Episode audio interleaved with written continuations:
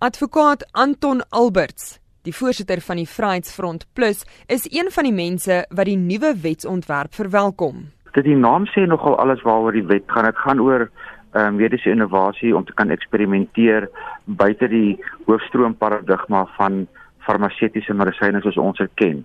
Albert sê hy het voorheen in 'n parlementêre debat die kwessie oor die gebrek aan mediese navorsing in sekere velde aangeraak. Hy sê tot dusver is daar nie veel daaroor gepraat nie, aangesien dit enerzijds 'n taboe was en anderzijds omdat daar nie werklike geldelike voordele daarin sou wees nie. Nou ons weet van baie mense, mens kan kyk na aan sosiale media op Facebook is dit baie waar daar mense is wat sê maar ek het kanker gehad of ek het kanker um, of 'n sekere siekte en ek gebruik hierdie produk of daardie produk wat nie deur 'n dokter voorgeskryf is nie en dit help vir die pyn en of ek word gesonder of ek het heeltemal gesond geword en so meer.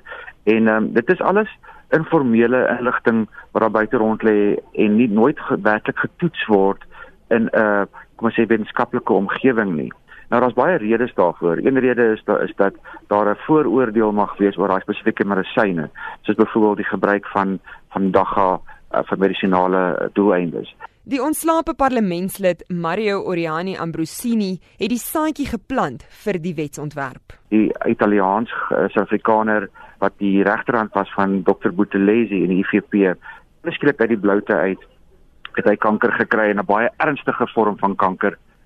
Hy's 'n baie rasionele mens en hy het toe begin besluit hoe gaan hulle hierdie probleem aanpak en hulle het toe gaan kyk na al die tradisionele maniere van kanker beveg soos wat deur die farmaseutiese bedryf voorgeskryf word asook ons, ons tradisionele mediese dokters en ook na die alternatiewe wat buite daai paradigma lê.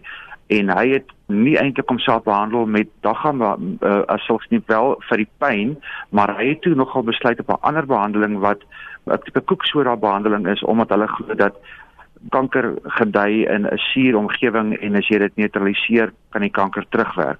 Kanker het Oriani Abrosini se lewe geëis, maar hy het voor sy sterfte die voorlopige konsep wetsontwerp geskryf en alternatiewe metodes van behandeling en medikasie vir siek mense voorgestel.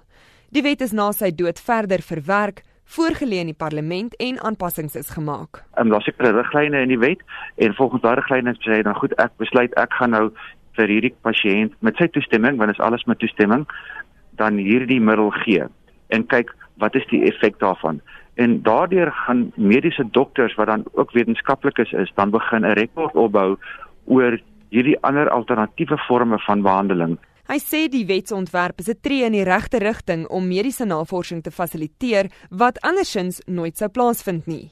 Albert sê die wetsontwerp gee geloofwaardigheid aan die idee dat die afwesigheid van getuienis nie 'n bewys van afwesigheid is nie.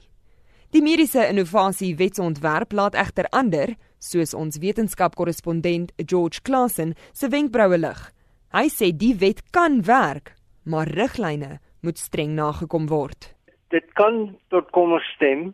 Die regulasies is baie duidelik dat dat dit in 'n loodsprojek gaan wees in 'n hospitaal. Daar sekere plekke geïdentifiseer, sekere hospitale as loodsprojekte geïdentifiseer word waar hierdie eksperimentele behandeling sou plaasvind, maar daar's baie duidelike riglyne oor hoe die proses moet verloop. So indien daardie riglyne nie gevolg word nie, dan dan sal dit mense dit tot kommer kan stem. Byvoorbeeld, die proses moet deursigtig wees en die proses moet verantwoordbaar wees. En 'n dokter kan dit nie in isolasie neem nie. Hy moet dit nog steeds met toestemming van die pasiënt doen en deur behoorlike oorweging van al die bestaande wetenskaplike navorsing wat daaroor is en dat hulle kan hy moet kan kan duidelik bewys daar is geen navorsing wat bewys dat hierdie middel gevaarlik kan wees of wat ook al nie. Die wet sal nou na die nasionale raad van provinsies verwys word. As dit daar goedgekeur word, sal die president dit afteken en dan word dit wet. Ek is Henry Wondergem vir SAK nuus.